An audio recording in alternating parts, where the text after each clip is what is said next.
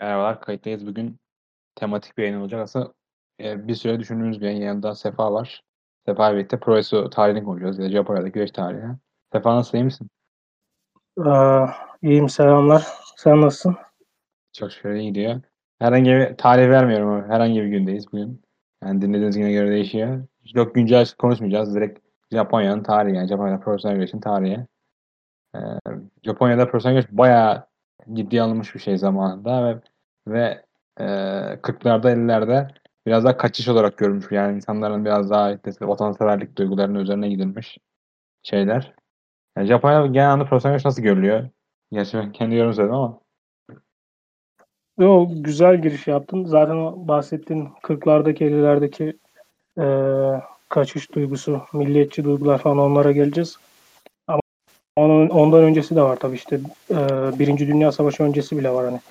E, işte 1800'lerin sonlarından aslında ufak bir kısaca birkaç şeyden bahsedip sonra işte savaş öncesi, savaş, savaştan sonrası falan e, öyle öyle e, özellikle işte bu sanırım 60'lı yılların ortasına kadar falan bir geleceğiz aslında. E, belli başlı e, baş kahramanlarımıza tabii. Bunlardan birisi de zaten benim forumdan da kullanıcı adıma e, ilham olan Ricky Dozan. O ve birkaç tane baş karakterin üzerinden bu e, resmi çizmeye çalışacağız. Evet, aslında profesyonel iş bir nevi yani sumo sayesinde gelişmiş bir şey, gelişmiş bir şey Japonya'da en azından. Sumo'nun anlamı da güreş ve grapple demek. Yani aslında birbirine çok ba- bazı şeyler. Profesyonel güreş sumo. Anlam olarak da işte, e, filozofi olarak da yani oraya kattıkları olsun sumo'nun güreşe. Yani güreşin, güreşin anlamı da sumo. Profesyonel olmadan önce tabii. E, aşırı Japonya çok da erken gelmiş olabilir yani insanların sandığından. Profesyonel güreş. Tabii sumo'nun büyük e, etkisi var. Zaten sumo'nun progresuyla e, birçok katmanda e, ilişkisi var. Bu e, mikro makro olarak da geçerli. Zaten mesela az önce bahsettiğim gibi Ricky Dozan sumo'dan e, bir sumo güreşçisi olarak e, profesyonel güreşe geçmiş birisi. Yani bu işte ondan sonra gelen e, Tenryu mesela ilk akla gelen örnektir belki de.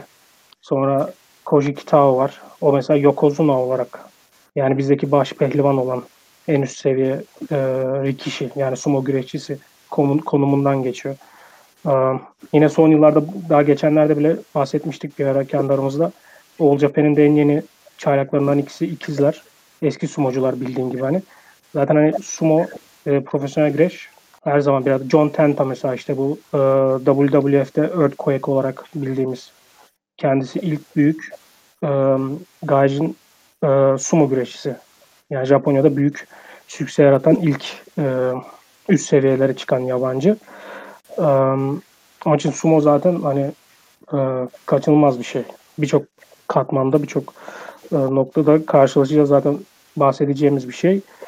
E, onun için zaten mesela sumo'nun şöyle bir yanı da var. Bir gün elbet kadın güreşi Joshi hakkında da konuşacağımız zaman e, yine sumo'dan bahsedeceğiz. Nasıl şu anda da mesela kadın sumo e, sektörü diyelim bildiğimiz sumo deyince aklımıza gelenden çok daha farklı. Çok geleneksel nedenlerden dolayı üst seviyelerde de yapılıyor. Bu geçmişte de geçerli. Yani kadın güreşi nasıl bir ara e, ortaya çıktı, işte kadın sumocular falan bunları gene e, bir başka bölümde bahsederiz yani. E, sumo dediğimiz şey de yani Japonya'nın atasporu denilen yani insanların yani ya da Japon tarihinde milattan önce dayandığını düşünülen işte onların daha çok yarattıkları mitler mi diyelim ya da yaşanmış şeyler mi diyelim. Yani insanların direkt kahraman olarak aldığı şeyler sumocular. Ve bir yana o da profesyonel güreşe ayak uydurduğu için ya da profesyonel güreşe e, etki sağladığı için profesyonel güreşte bundan etkilenmiş bir olay. Yani direkt olarak. Tabii yani sumo e, son 20 yılda aslında beyzbolun gerisinde kalmış da olsa e, Japonya'da şu anda yine de hala büyük bir e, markete sahip olan insanların ilgisini çeken bir e, gelenek. Ya yani bizdeki işte yağlı güreşler gibi aslında teknik olarak baktığımızda Yokozuna e, e,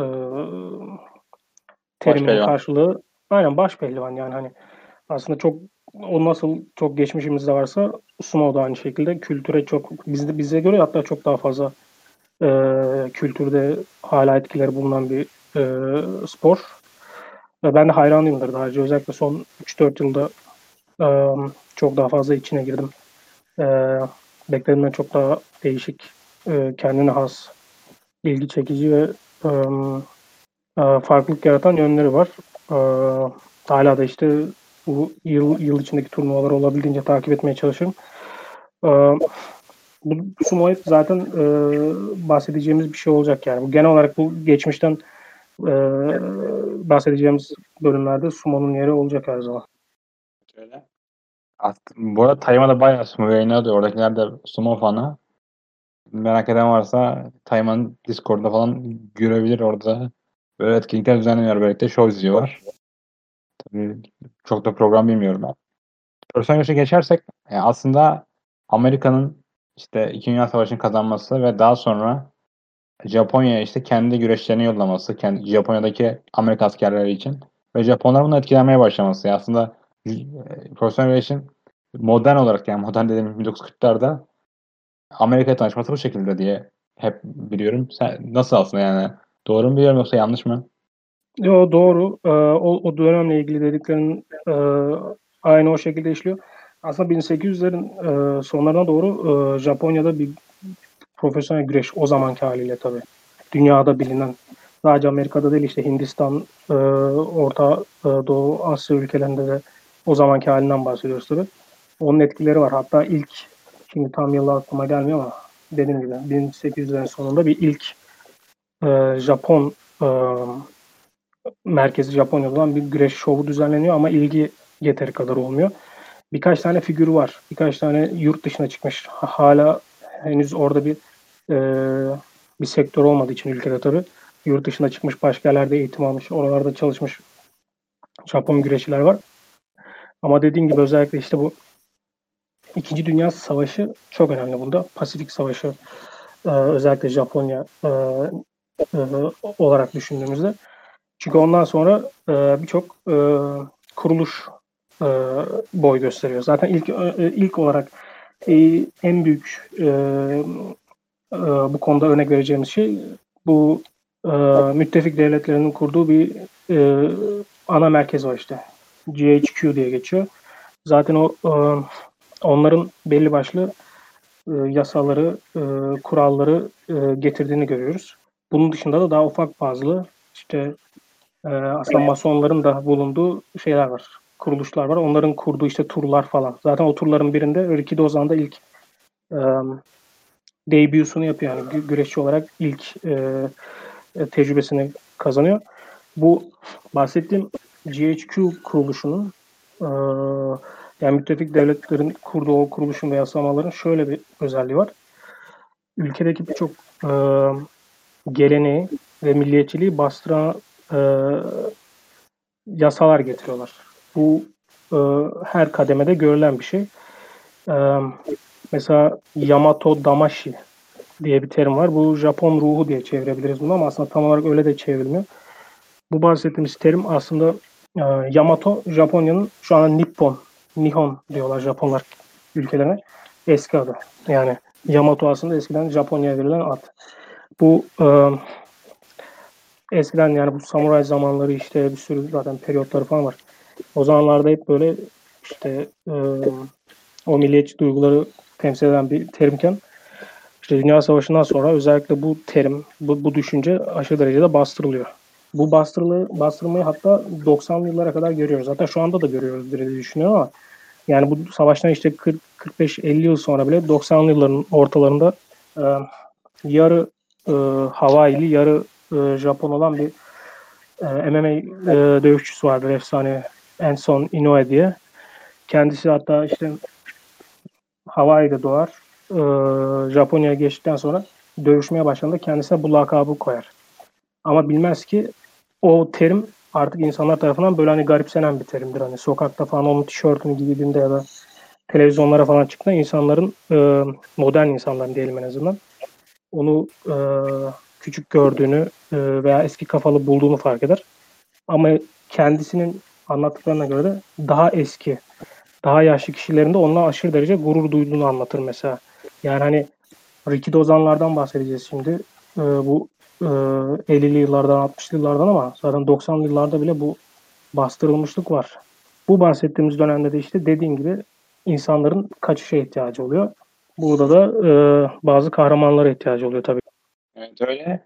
Ee, ve Japonya'da dediğim gibi televizyon daha yeni doğuyor. Ricky Dozan gibi efsanelerin ya da figürlerin çıkışında. Ve sadece 4 tane kanal var ya da 4 tane 3 tane kanal var ya da bir tane kanal var.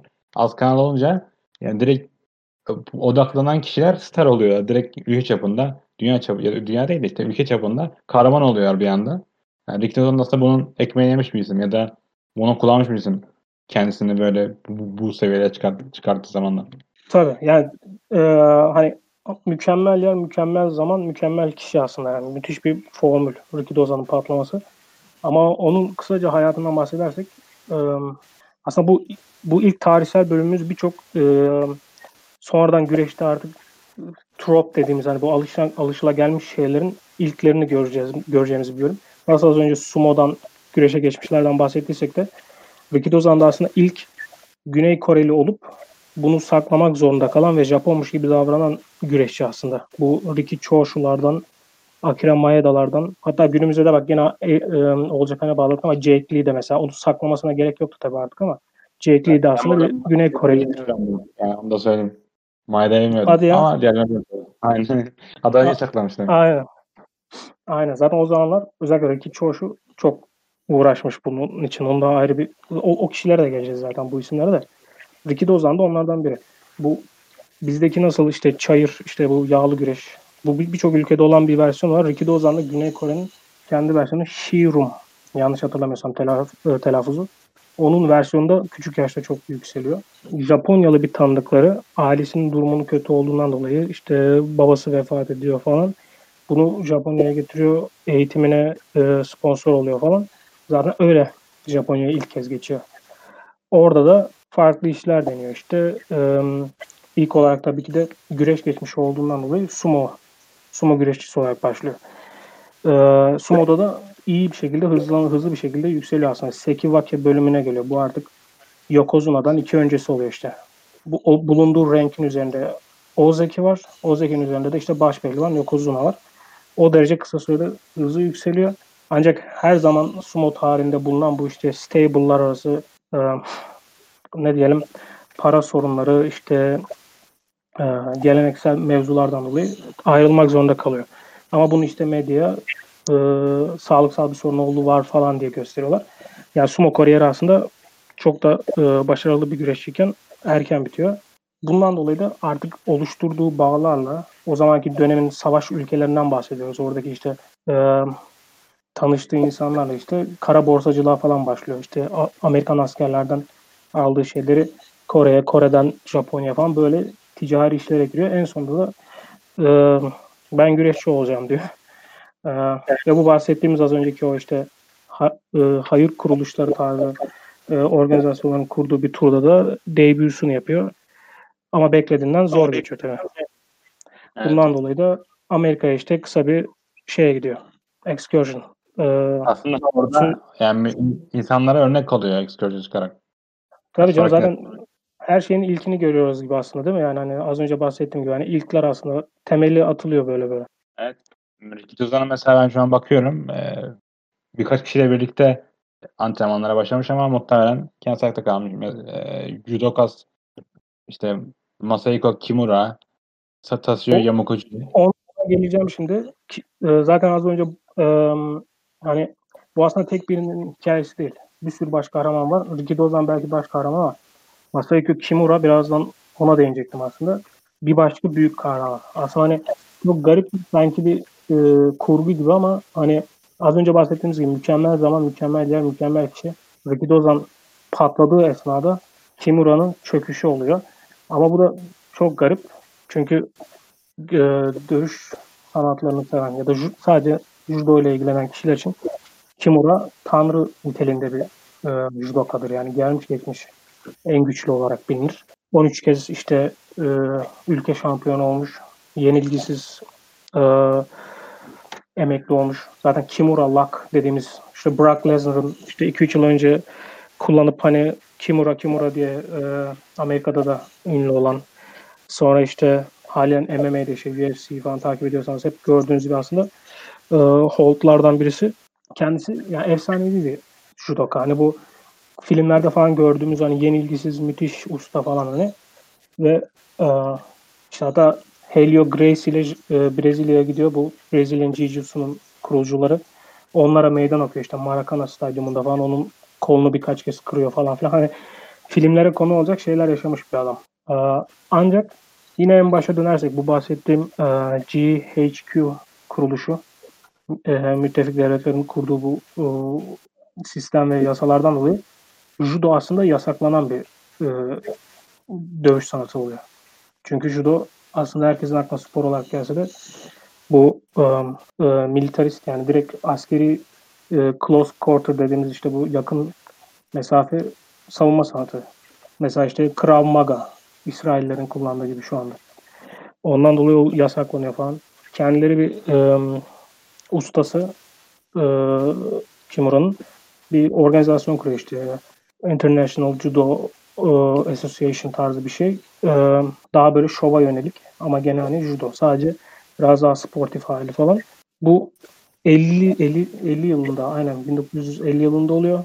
Ancak box office'te işte bu e, satışlarda falan bir yerden sonra ilgi kesiliyor buna. Ondan dolayı Kimura aslında güreşe ilgi duymaya başlıyor. Daha doğrusu duymak zorunda kalıyor. Çünkü e, hayat şartları Amerika'ya gidiyor işte birkaç kısa tur yapıyor falan. Sonra bu bahsettiğimiz e, judo organizasyonu da kapatılınca işte geriye e, 1953 yılında Ricky Doza'nın kurduğu e, Japanese e, Wrestling Association işte JWA'ye geliyor. Bu da işte zaten 1954 yılına denk geliyor. 1954 yılı yani tam anlamıyla bir e, dönüm noktası. Hem bu kişilerin kariyerleri hem de genel olarak tüm sektör yani 1954 yılında birden fazla şirket var aslında değil mi? Sadece JWA değil.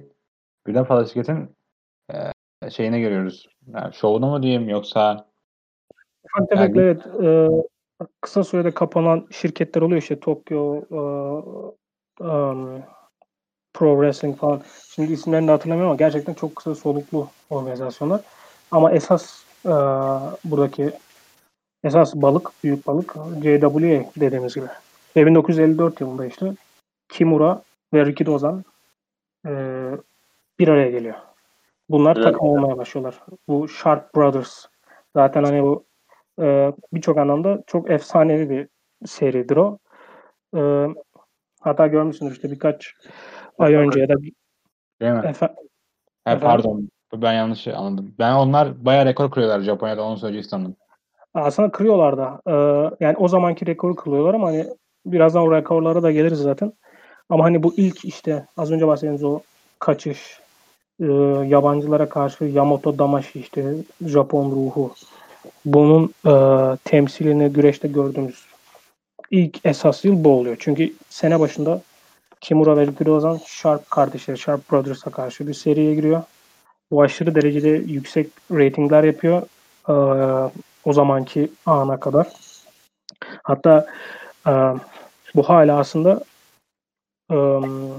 son tabi haliyle e, son 10 yıldaki 5 yıldaki müfredatları bilemeyiz ama yani bilinen bir şeydir. Bu Japonya'da ilkokullarda hani ortaokullarda neyse tarih dersinde falan bahsedilen bir olaydır. Hani İkinci Dünya Savaşı'ndan falan bahsederlerken Ricky Dozan ve Kimura'nın bu bu dönemki özellikle bu karşılaşmaları Sharp Brothers'a karşı um, tarihte öğretilir. Hatta bundan dolayı işte belki görmüşsündür sen de geçen sene mi um, Dave Meltzer tarihsel olarak Ricky Dozan, Kimura, Sharp Brothers maçları maçı ya da ilki diyelim. Ee, Hulk Hogan, Andre the Giant WrestleMania 3 maçından daha büyüktür der. Belki görmüşsündür. Evet evet onun aynısını dedi ve e, yani o maçın önemi Japonya'da işte efsane oluyor ve diğer iki kardeşleri de iki çapında star yapıyor o maç. Yani o seri daha doğrusu. Ee, çok da doğru bir açıklama da bulunuyor aslında e, Meltzer. Ben çok onda artık ya tarihsel açıdan e, e, yaptığı kayıtlar dışında artık e, pek fikirlerinin bir anlamı olduğunu düşünmesem de. Bu e, yorumu doğru ama çünkü e, ülkedeki etkisi uzun çaplı ve ani etkisi işte bu Andre Hulk Hogan maçından çok daha büyük aslında yani. yani dediğin gibi hem o Sharp Brothers büyük starlar oluyor. Zaten bu e, yabancıların da büyük star olmaya başlaması Sharp Brothers. Sonuçta Lou Tez'den bahsedeceğiz. Destroyer. Bu kişilerle başlıyor işte. Bundan sonra daha sonra işte bu Abdullah the Butcher'ları görüyoruz işte ne bileyim Stan Hansen'lar, Bruiser Brody'ler falan filan. Ama işte Funk, Funk Brothers, Funks e, onlar da tabii büyük yıldız oluyor. Hatta onlar en büyük yabancı yıldızlar oluyor diyebiliriz şey anlamında. Babyface olarak yani hani. Ama tabii Sharp Brothers'la başlıyor hepsi. Bu seriyle başlıyor. Ama bu senenin esas önemli bence esas önemli değil ama eşit derecede önemli e, olayı yılın ikinci yarısında oluyor. Bu bahsettiğimiz gibi e, Kimura'nın geçmişinden bahsettik. Ricky Dozan'ın geçmişinden bahsettik. Ancak profesyonel güreşe iki farklı daldan geçmiş insan olsalar da Ricky Dozan çok daha kolay geçiş yaptı ve e, daha önceden daha büyük bir star olduğu için bu alanda haliyle Ricky Dozan biraz daha pardon Kimura biraz daha onun gerisinde olarak gösteriliyor. Zaten bu işte biliriz yani takımlarda hani birinin daha dominant birinin daha e, az olduğunu fark ederiz. Burada da bu durum oluyor. Bu Kimura'yı rahatsız ediyor ve meydan okuyor. Ve belki de birazdan işte yine bir ilkten bahsedeceğiz. En azından Japon tarihindeki. Onu da tahmin edebiliyorsundur yani hani. E, Kimura ve Riki Ozan derken. Bunun hakkın... O. Efendim? İki Japon güreşmesi mi? Bir anlamda. İki Japon güreşmesi ve ama shooting daha... maçı. Aynen o. öyle. Aynen. Shooting oldu yani. Aynen. O bayağı bu arada yani. O en evet. fazla gördüğüm şey oldu internette. Doğrudur. Zaten hani işte maçlarda shoot muhabbeti olduğu zaman belki de en efsanesidir. Birçok farklı anlamda. Bu dediğimiz gibi 1954'ün başında işte Şubat aylarında falan Ocak Şubat'ta Sharp Brothers'la karşılaşıyorlar. Senenin sonunda Aralık ayında ya ayın 15'i ya ayın 22'si. Bunu şuradan hatırlıyorum çünkü birazdan Ricky Dozan'ın vefatından da bahsedeceğiz. Ölümü de belli bir 7-8 yıl sonra gene Aralık ayında oluyor falan. Hani onun bir sürü teorileri var tabi de. Bu iki kişi karşı karşıya geliyor. Ricky Dozan, Masahiko Kimura. Birisi en büyük box office yıldızı. Ricky Dozan. Diğerisi en büyük yaşayan e, e, dövüş sanatı ustası. Onun seviyesinde bir kişi daha var. O kişiden de şimdi bahsedeceğim zaten bu olaydan sonra. Bu ana kadar ki aslında bu andan sonra da bildiğimiz gibi Japonya'da ıı, güreşe her zaman spor olarak bakılıyor. Bugün bir işte Tokyo ıı, işte Sports'un veya başka bir sitenin profil ıı, sayfasına girdiğimizde haber Sesin gitti. Allah kahretsin. Bir dakika. Durduralım şunu. Bu zamanlarda tabii profesyonel güreş bir spor. Tam anlamıyla bir spor. Yani hani e, önceden bilinen şeyler e, e, şu anki gibi değil yani hani. Gerçek anlamında bir müsabaka olarak görülüyor.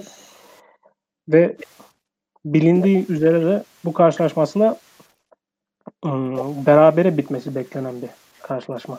Bunu da tabii sadece güreşçiler ve arka plandakiler biliyor. Ancak e, Ricky Dozan e, ben bu oyunu bozarım diyor ve e, bu 18-19 aynen 18-19 dakikalık bir maç aslında ama YouTube'da falan sanırım sadece 4-5 dakikası var. O 4-5 dakikada da sadece Ricky Dozan'ın yaptıkları görülür. Aslında yani okuduklarıma göre de belli bir noktaya kadar planlandığı gibi biraz sert de olsa planlandığı gibi giden maçtır ama bir süre sonra Ricky Dozan shoot yapar dediğimiz gibi hani e, senaryonun dışına çıkar diyelim ve e, beklemediği bir anda e, önce çenesine sonra da e, vücudun başka yerlerini Kimura'ya saldırır. Ve burada şunu da belirtmek lazım. Kimura burada 7-8 yaş daha büyük, yaşlı. Artık 40 yaşlarına gelmiş durumda. Ve aralarında bir en az bir 30 kilo falan fark var yani. Zaten birisi sumodan biri judodan geliyor. Ricky Dozan her zaman iri bir insandı. Ve beklenmedik bir anda saldırıya uğruyor. Ee, kendisine gelemiyor. Ve e, knockout oluyor diyelim. Bu e, büyük bir yıldızın doğumu oluyorken Ricky Dozan adında bir başka efsanenin de aslında çöküşü oluyor. Ee, bir yandan aslında o yönden aslında şairane bir şey sanki hani kurgulanmış bir şey gibi ama birisi bundan sonraki yıllarda inanılmaz derece rekorlara giderken az önce bahsettiğimiz gibi yine bahsedeceğimiz gibi ratinglerdir, paradır, şöhrettir. Kimura daha um, karanlıklarda bir hayata geçiyor diyelim. Sen, sana sözü bırakmadan önce de bu olaydan hemen sonra o sırada um, az önce bahsettiğim gibi Kimura'nın seviyesinde görülen bir tek bir, bir kişi daha var. O da aslında bir karateka yani judocu değil. E, Mas Oyama. Karate, karateden ilgilenen insanlar bilir bu bir sürü karate dalları var. Tabii bu Kyokushin karate en sert, en tam anlamıyla all out yani her yere e, saldırının e, izin verildiği ve en sert karate olarak bilinir. Onun kurucusu ve ustası. Ve e, Kimura'yla da yakın arkadaşlar.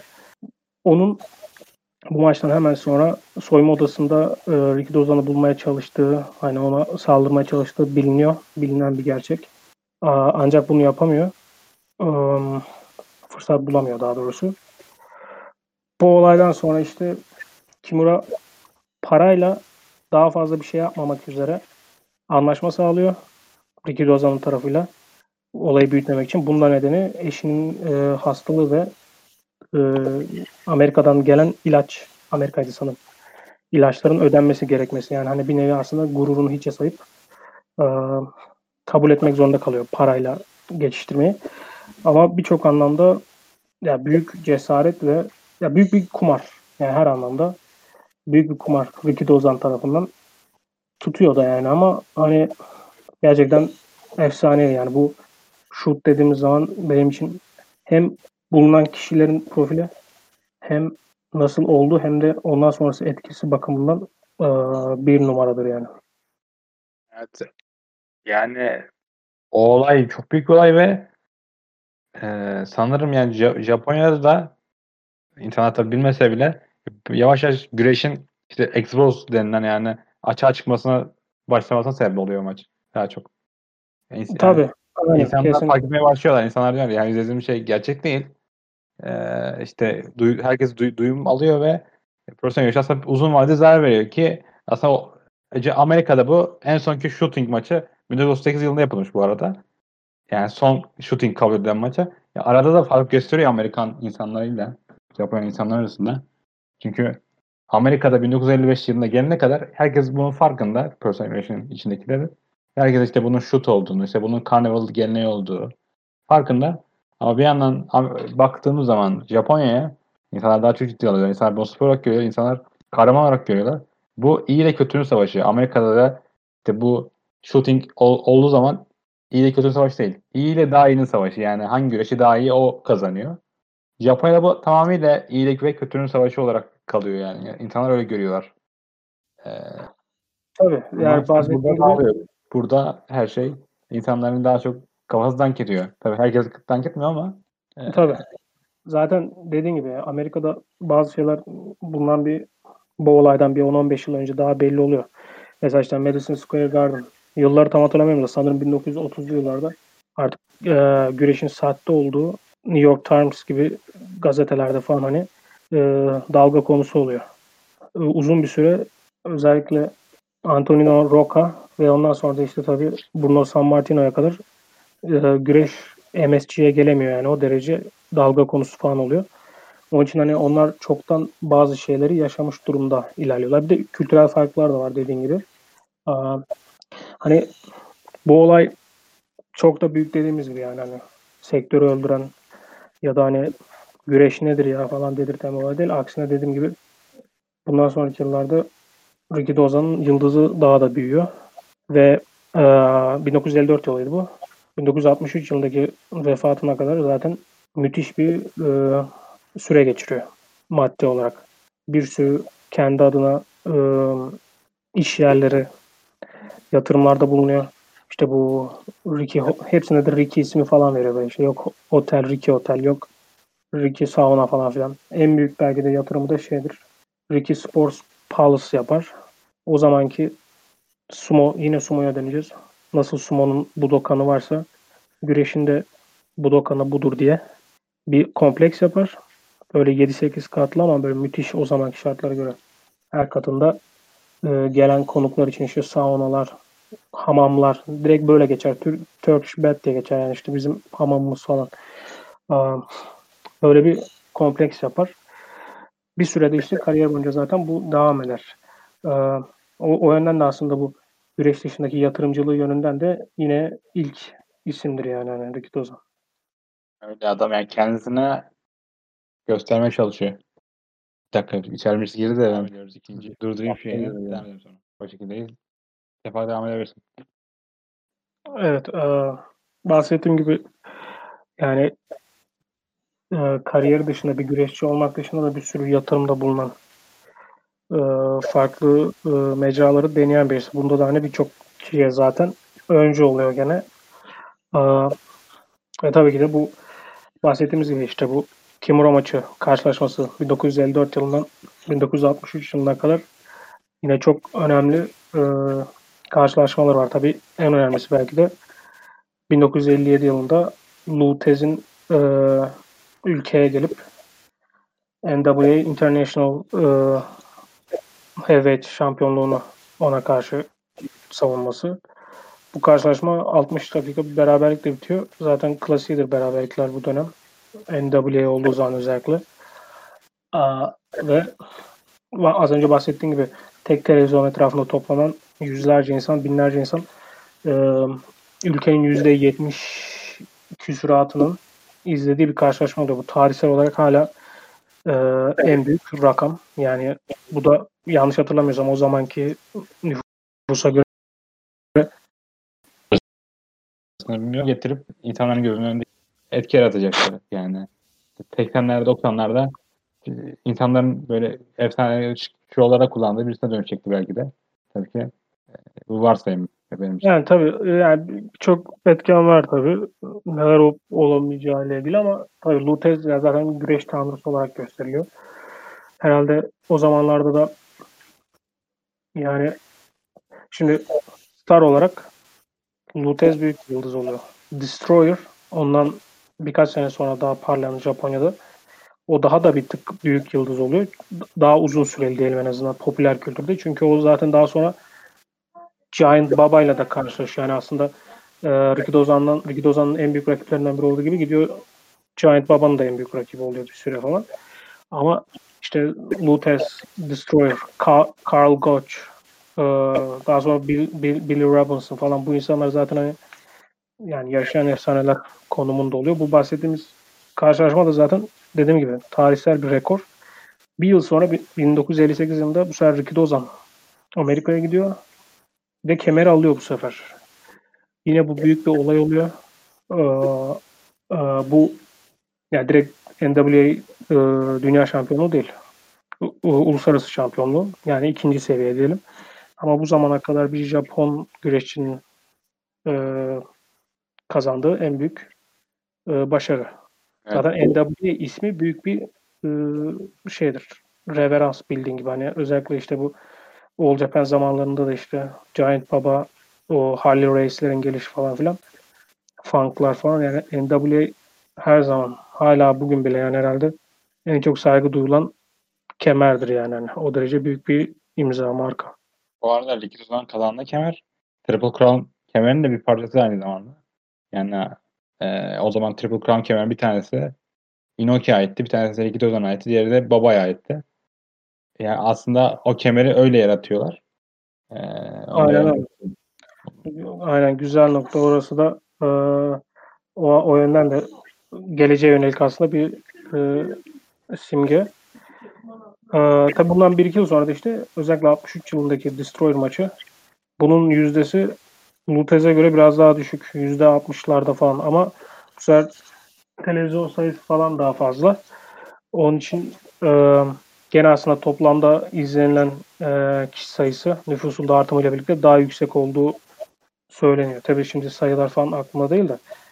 Ama o da büyük bir e, box office başarısı oluyor. Zaten Destroyer büyük bir yıldıza dönüşüyor. Hani Destroyer e, maskesi hem Amerika'da hem de aslında Japonya'da hani e, Destroyer'da bir kon, birçok konuda aslında öncülerden birisi. Hala da işte memorial show'ları falan filan oluyor bildiğiniz gibi ya da işte anılır falan. Evet, öyle yapıyorlar yani. Aynen yani e, 63 yılında da dediğimiz gibi işte o büyük bir başka karşılaşma Destroyer maçı. Ancak o yılın sonunda az önce de bahsettiğim gibi Aralık ayı gene sanırım 15 idi. Kimura maçı 10 22'si vefatı e, 15'i. Aradan bir 7 yıl geçiyor. Yok 7 yıldan da fazla. 54'ten 63 9 yıl. E, bir e, kasino çıkışı e, öldürülüyor. Bu da tabii birçok soru işaretine neden alıyor. E, Yakuza tabii ki de ilk akla gelen yer. Çünkü Yakuza da her zaman içinde. Bir başka ilk. İlki de Ozan'la birlikte gelen Yakuza ile olan o e, bağ diyelim. Bunun etkilerini yani 70'ler, 80'ler, 90'lar, 2000'ler, 2010'lar hala şu anda Zero One'larda bile görüyoruz aslında hani. Sumo nasıl e, ülkenin hala fabriğinde varsa Yakuza da öyle tabii ki de. Ama ölümü tabii büyük bir olay oluyor. Hala daha yeni böyle büyük bir rekor kırmışken beklenmeden geliyor tabii. Beklemeden geliyor ve Ricky Tozen çalışması çok da kolay bir iş değil. E, karşı tarafta güreşler için. Çok da sevilen bir güreş değil yani. Atıyorum Lutez mesela. Çok hakkında çok iyi konuşmaz o anlamda. E, diğer gajinler çok sevmezler çünkü çok da güreş treni olarak taşınması gereken bir güreş. Yani seni genelde o, gün, o zamanki maçlar 60 dakika sürdüğü için ya da 30 dakika sürdüğü için insanların çok da çalışmayı sevmediği bir isim. Ve aynı zamanda da Hawaii'de de büyük bir star. Yani e, aslında havadaki Hawaii'deki Japonya bağını o anlamda kullanmış bir isim sanırım. Ama hiçbir zaman Giant Baba kadar ülke çapında bir star olamıyormuş yani Amerika'da. Az çok okuduğum ve dinlediğim kadar öyle. Giant Baba daha büyük bir etki yapmış Amerika'da. Tabii canım. Yani zaten e, Amerika Giant şöyle aslında yani e, güreşçi olarak hangisi daha çok etki yarattı dersek Amerika'da yaptıklarıyla belki Giant Baba olabilir. Çünkü e, Florida bölgesinde şeyken şimdi bölgeleri de e, karıştırabilirim de. Yani bir bölgede büyük bir klasik heelken yani kötü adamken bir başkasında baby face olabiliyor kısa bir süre falan. Bu o zamana kadar bir özellikle Asyalı güreşçi için. Çünkü bir sürü Asyalı güreşçi var. Kore'den gelen yarı Asyalı, yarı Japon, yarı Hawaii'li olan falan filan. Giant Baba öyle bir fark yaratıyor aslında Giant Baba da güreşçi olarak çok büyük bir şey yapamıyor. Yani hani Ricky Dozan'dan da çok daha öncü değil. Daha çok promotör olarak. İşte bu All Japan'le birlikte e, NWA ile kurduğu o bağ zaten yani 1970'lerin başından başlıyor. 72-73 yılından e, 89 yılına kadar 90 yılına kadar neredeyse görüyoruz yani hani e, bir şekilde bir bir haliyle o bağın etkilerini e, bu yönden tabi orası öyle. Inoki mesela güreşçi olarak Amerika'da daha da ön plana çıkıyor. Bunda aslında nedeni Amerika'da yaptıklarından çok Muhammed Ali maçı tabi. Ama ya hepsi büyük yıldız. Ee, şöyle bir anekdot var işte. Bu olay 63 yılında oluyor. Ee, e, cinayeti diyelim. Bundan 30 yıl sonra Kimura'ya bir röportajda soruyorlar bu durumu. Kendisi e, onun Yakuza değil ben öldürdüm diyor. Ama bunda hani lanetledim anlamında da çıkartılabiliyor. Başka şekilde de çıkartılabiliyor ama gerçekten çok o da ilgi çekicidir hani. Um, 30 yıl sonra bunun konuşulması falan. Tabii büyük ihtimal lanetledim anlamında diyordur. Çünkü Yakuza bir gerçek. Ama o da ilginç bir nokta. Evet o ilginç nokta. Ve Personage bayağı zarar görüyor aslında. Yani Japonya'dan bahsediyorum tabii ki. Ee, ölmesiyle birlikte e, Rick Tozen'in yani orada ölümüyle birlikte insanlar e, artık şirket e, nasıl diyeyim salonlar bile Personage'i uklamıyorlar yani artık bizi istemiyorlar. Bu bağları kır, kırmak istiyorlar. Kırmak istiyorlar yani bu bağlara hoşlanmıyorlar. Yakuza bağlarıyla. Ve bir yandan Personage düşüşe geçiyor Japonya içerisinde. Yani aslında e, kısa süreli bir buhrana giriyorlar bu ölümle. Aynen yani 63'ten işte 70'lere kadar hatta 71'lere kadar falan yine de çok büyük bir ani düşüş olmasa da zaman içerisinde oluyor.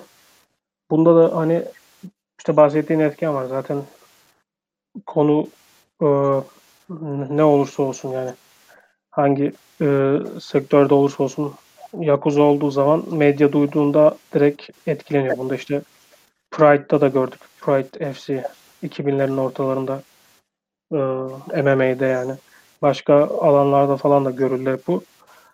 Şimdi e, Ricky Dozan Junior yani daha doğrusu onun altında ikinci adam Toyona Boy. O da bir yıldız aslında kendi çapında.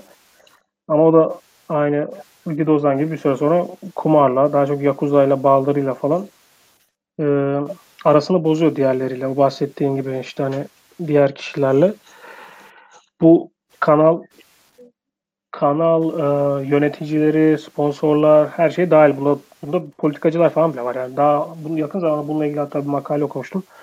E, bayağı detaylı aslında olaylar. Yani sırf bu bahsettiğimiz o işte Ricky Dozan'ın ölümü e, e, Giant Baba'nın JWA organizasyonu, promosyonu son yıllarındaki o esas adam oluşu anına kadar ki o 4-5-6 yıllık süreç zaten tek başına herhalde bir e, ansiklopedik bir şey. Çünkü bir sürü garip e, olay e, kişiler rol alıyor bu durumda.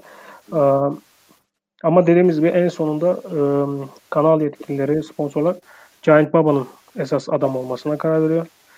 O toparlıyor aslında biraz. Belli bir süre boyunca toparlıyor. Zaten B.I. Canon e, bu Inoki ve Giant Baba ile ilgili de zaten ayrı bölümlerimiz olacak. Tek bir bölümü, bir sonraki bölümü onlara ayırabiliriz zaten. Hem nasıl Wiki Dozan JWA onları buldu. Kısa bir başlangıçlar hem de birlikte takım olarak işte B.I. Canon dediğimiz e, süreçleri sonra e, rekabetleri tabii bireysel olarak zaten e, birlikte geçirdikleri süre boyunca e, JWA'nın sonuna kadar e, esas Top Dog e, baba e, onun hep peşinden koşan, ona meydan okuyan ama hep bir şekilde e, ona erişemeyen bir Inoki e, dönemi yaşıyoruz. Zaten şöyle bir şey var. Aslında bunu o zaman da diyebilirdik de şimdi aklıma geldi. Inoki bir süre o, o sürelerde özellikle o kadar babanın gerisinde kalıyor ki fiziksel olarak aslında hiçbir alakaları olmamalarına rağmen şöyle bir hikayesi var. Bir gün Tokyo'daydı sanırım bir taksiye bindiğinde e, şoför ona aa Giant babasın değil sen falan diyor. Yani o derece hani e, onun e, gölgesinde kalmış bir hale geliyor. Ama tabii kendisinin de başarıları var. Kazandığı kemerler, güzel maçları falan var. Onlara da e, bir sonraki bölümde zaten bu ikilinin ana karakter olduğu e, bölümümüzde değineceğiz. Tabii e, Ricky da o zamanlar kendi e, nasıl kendi varisi olarak e, şey görüyor. Giant Baba görüyor. Yani direkt onu pushluyorlar.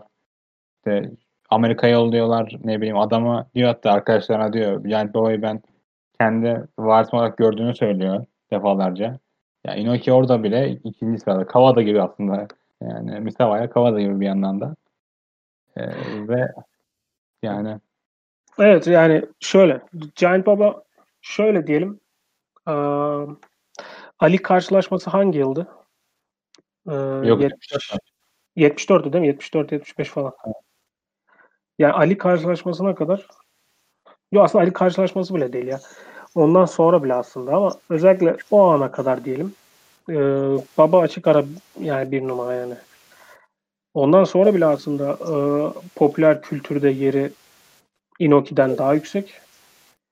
80'lerin ortasından itibaren 90'lar başına doğru hafif hafif bir Inoki ön plana çıkıyor. Bunda da zaten babanın e, güreşçi olarak rolünün azalmasında da etki var.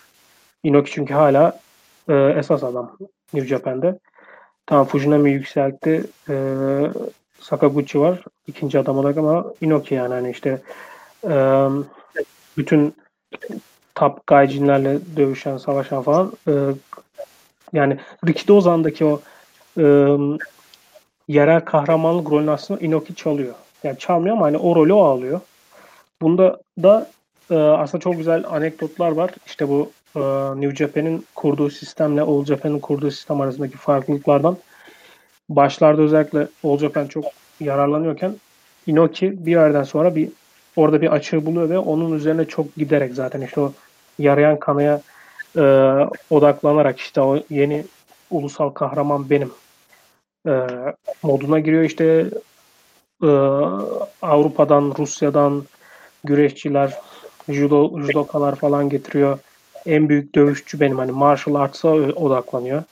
All Japan nasıl ilk başlarda özellikle NWA ile ilk anlaşmalarda klasik NWA bölgesi gibi çalışırken işte Broadway maçlar falanlar filanlar diğer tarafta daha çok işte martial arts e, dövüş sanatlarının ön plana çıktığı e, daha böyle farklı bir his yaratılan daha milliyetçiliğe de yürüyen bir Inoki görüyoruz onun yükselişi de öyle oluyor. Yani bu arada insanlar böyle Japon serisine böyle sessiz falan sanıyorlar.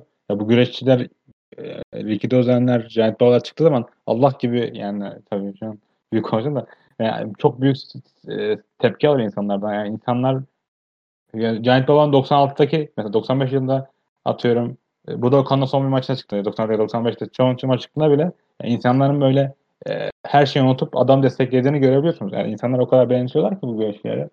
Yani, neden başarılı neden başarılı oldukları anlaşıyor aslında insanlar nasıl etki yarattıkları. Tabii canım ya bunlar aslında açık ara yani. Şimdi Japon güreşi dediğimizde, pro wrestling dediğimizde ilk akla gelen üç isim bunlar. Yani, yani Japonya'da insanlar böyle sıfır tepki var vermiyorlar. İnsanlar e, saygı gördükleri böyle kendilerini işleyen kişiler destekliyor aslında. Aynen öyle. Ya zaten o hani insan Japon seyircilerin tepki vermemeleri falan filan bir büyük bir mit.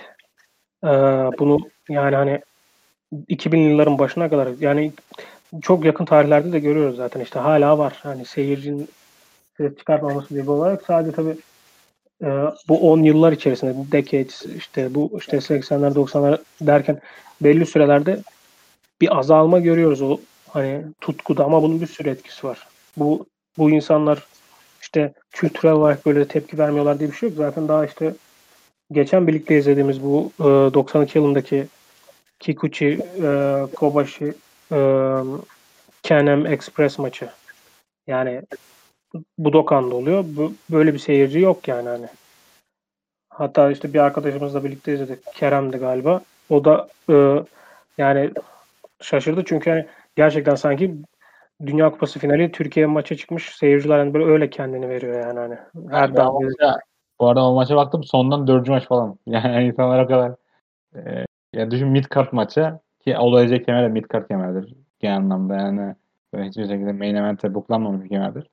Yani insanlar yani hangi güreşçiye duygusal olarak bağ kuruyorlarsa onu destekliyorlar sonuçta. Ya sen gidip oraya mesela WWE şey yapmıştı. E, Beast'in de East'i hatırlıyor musun? Hatırlamasan iyi, daha iyi de. Yani, East'te main event'te John Cena ile işte Ziggler takım olmuştu. İşte Kane'le Bad News Bears yapmıştı. Main event buydu bu arada. Yani bu show Japonya insanlar hiç tepki bile vermedi. Alkışladılar sadece. Sen böyle şey sunarsan insanlar yani geride tepki vermezler sana. Böyle izlerler. Aynen o şovu hatırlıyorum. Yani şey olarak hatırlıyorum. Bir de işte zaten e, David'in dönüşü vardı. E, sanırım Joe'yla mı yapmıştı? Kevin Owens'la mı? Kevin Owens'la yaptı. Kenta'da izleyemedi. İzledi şovu. Muhtemelen Kenta güreşecekti. Aynen. Hatta işte e, sanırım Lesnar falan vardı. O da eski New Japan falan. Sonra Jericho Americo. E, ya zaten Amerika her zaman o konuda sınıfta kaldı. İşte o şeyi Meksika'da da öyle. Japonya'da da öyle o kültürel şeyin ne kadar güçlü olduğunun farkındalarsa bile bir e, o kibir var. Ondan dolayı yanlış hamleler yapıyorlar ki iyi ki de yapıyorlar. De yapmaya devam edecekler. Çünkü e, en son isteyeceğimiz şey o. Ama dediğim gibi yani bunun hani kişinin seviyesiyle ya da bulunduğu konumla alakası yok. Yani 90'lı yıllarda, 2000'lerde ama 90'lı yıllar diyelim. Çünkü en çok çeşitli güreş türünün ortaya çıktığı, promosyonların ortaya çıktığı güreş kahramanların ortaya çıktığı dönem açık ara. Hani orada yani FMW maçı izleyelim. E, Big Japan maçı izleyelim. Hani en hardcore'sa işte deathmatch'se onlar ya da işte e, işte Battle Arts 90'ların ortasından sonra çıkan işte bu e, UWFI'dan sonraki gruplardan birisi. Sonra yine UWFI'ye bakalım. E, PW e, işte Fuji, Fujiwara'nın grubuna bakalım işte hani e, sonra Rings, Maeda'nın kurduğu grup hani çok farklı aslında çeşit var. Hepsinde kendi kahramanları var. Yani hani insanlar sevdiği zaman seviyor. Tepki verdiği zaman veriyor. Hala bugüne kadar e, Japon seyircilerin mesela internette falan e, hayranların konuştuklarını okuduklarımı hatırlıyorum. En çok akılda kalan anlar diye 90'lı yıllardan e, 96 yılı tak, Takada Muto'nun IWGP maçı. Çok sembolize bir maç aslında yani. İnsanlar farkında Takada New Japan'dan çıkıyor. Bir e, junior şampiyon olarak çıkıyor. Şu ana kadar bile hala hem junior hem de heavyweight kazanan 3-4 kişi var. Maalesef sonuncusu çok rezil bir kişi Ya, oldu. Ya o tabii Bütün şeyi bozdu. Hatta ben Takada dışındakilerin de pek hani hadi Ibushi'yi de sayalım eyvallah. Diğer, diğerini de pek saymıyorum da. Ama e, yani sonra Muto'nun o zamanki ettiği, e, sembolize ettiği şeyler falan hala insanların aklında o karşılaşma. O karşılaşma 5 yıldız almadı büyük ihtimal. O karşılaşma belki 4 yıldız bile almadı. O karşılaşmanın aldığı yıldızın hiçbir anlamı yok. Çünkü yıldızın bir değeri yok yani. Hani, e, Japonya'da özellikle özellikle o yıllarda bunların hiçbir anlamı yok. şey, Tamamıyla şey var ya mesela Değmezler New Japan çalışanı falan değil abi. Adam- Adam umurunda değil ki. Değmezler kim? Ha, gazeteci falan diyorlar bu kadar yani. Aynen. Özellikle o zamanlar hiç yani hak- hakkında hiçbir şey bilmiyorlar. Tabii son yıllarda birazcık bu işte 3-4 yıldır kendi e, yayınlarında bile en azından İngilizce bölümünde. Çünkü Japonlarda hiç bahsetmiyorlar. Hiç duymadım ama İngilizce yayınlarında falan bahsetmeleri birazcık tat kaçırdı ben de açıkçası ama hani o yıllarda yani bir hiç e, zaten bu insanlar para kazanmaya çalışıyor. Yani hani bunun maç kalitesiyle bir alakası yok. Mesela Yani- Muto, Muto açık ara en büyük yıldızlardan birisi 90'lı yılların. Ama Ama ya yani, kaç tane 5 yıldız maçı var? Ee, varsa bilmiyorum. Ya da yani yıldız ya yıldızdan kastım hani yıldız da önemli diye sadece hani kaç tane aman Allah'ım gel, gelmiş geçmiş en iyi maç dediğiniz maç var? Yok. Zaten o, e, o amaçla yapılmış maçları da yok. İşte bu Great Muto olarak karşılaşmaları falan bu işte ım, e, hatta bu Muta Scale dediğimiz kan e, e, seviye e, mimi de oradan çıkmıştır yani bir süre boyunca durmadan kanlı maçları çıkarmışlar. Rakibinin kan revaneler falan filan. Hani adamın da şirketin amacı hani şey değil. En iyi güreş karşılaşmasını çıkartalım. İşte insanlar bizi böyle bilsin değil. Daha çok epik e, spectacle dedikleri işte bu hani bu gösteri tarzı unutulmayacak şeylere odaklanıyorlar. Mesela o Takada Muto maçı unutulmuyor. Sonra işte Ogawa ondan birkaç yıl sonra Ogawa Hashimoto maçı unutulmuyor. Aa, hani bir şey var çünkü. Bu duygusal bir bağ var. Bunların hepsi aslında folk kah- kahramanları yani hani. Bundan sonra MMA ortaya çıktığında da görüyoruz yani işte bu Sakuraba'lar falan şimdi tekrardan güreşe döndü ama Sakuraba ilk başta bir iki yıl işte UWFI'da sonra işte esas MMA'ye geçiyor. Kimse beklemezken gelmiş geçmiş en büyük starlardan birisine dönüşüyor. Sonra işte 2000'lerin başında 2000'lerin ortalarında Takanori Gomi falan. Hani bu insanlar hani gerçekten bir duygusal bağ oluşturarak kahraman oluyor zaten. Bunda kim kazanmış, kim kaybetmişten çok o e, farklı bir e, noktaya hani değinme olayı var. Zaten bu konuda da bahsettiğimiz Ricky Dozan, Inoki, Baba. Yani ilk üç. Dördüncü kim diye düşünüyoruz. Yani benim için Tenryu mesela. Ama başkası için başka bir şey olabilir. Ama bu üçlü değişemez. Yani o derece hani yerleri değişemeyen insanlar yani. Bu isim yani piramidin 3 noktası. Aynen. Ve- Ee, Piramidin üç noktası. Ve yani bakıldığı zaman da e, profesyonel güreş, bu üç, üç güreşçiden herhangi birisine bir şey olsaydı bir noktada yani bu noktaya gelen zaten Dozan'a bir şey olsa hiç, hiç gelmezdi de mesela Inoki şey karar verdi e, ayrılmasaydı Giant Baba'yla çalışmaya devam etseydi bence böyle olmazdı ya da Giant Baba Amerika'da kalsaydı Japonya'ya dön, döndü işte böyle olmazdı. Tabii ya da işte ne bileyim bir beyzbol kariyerinden sonra beyzbol yıldızı iken geçiş yapmasaydı ya da işte Brezilya'da Inoki ile karşılaşmasalardı falan hani bir sürü aslında böyle garip kelebek etkisi gibi düşünebileceğimiz şeyler var.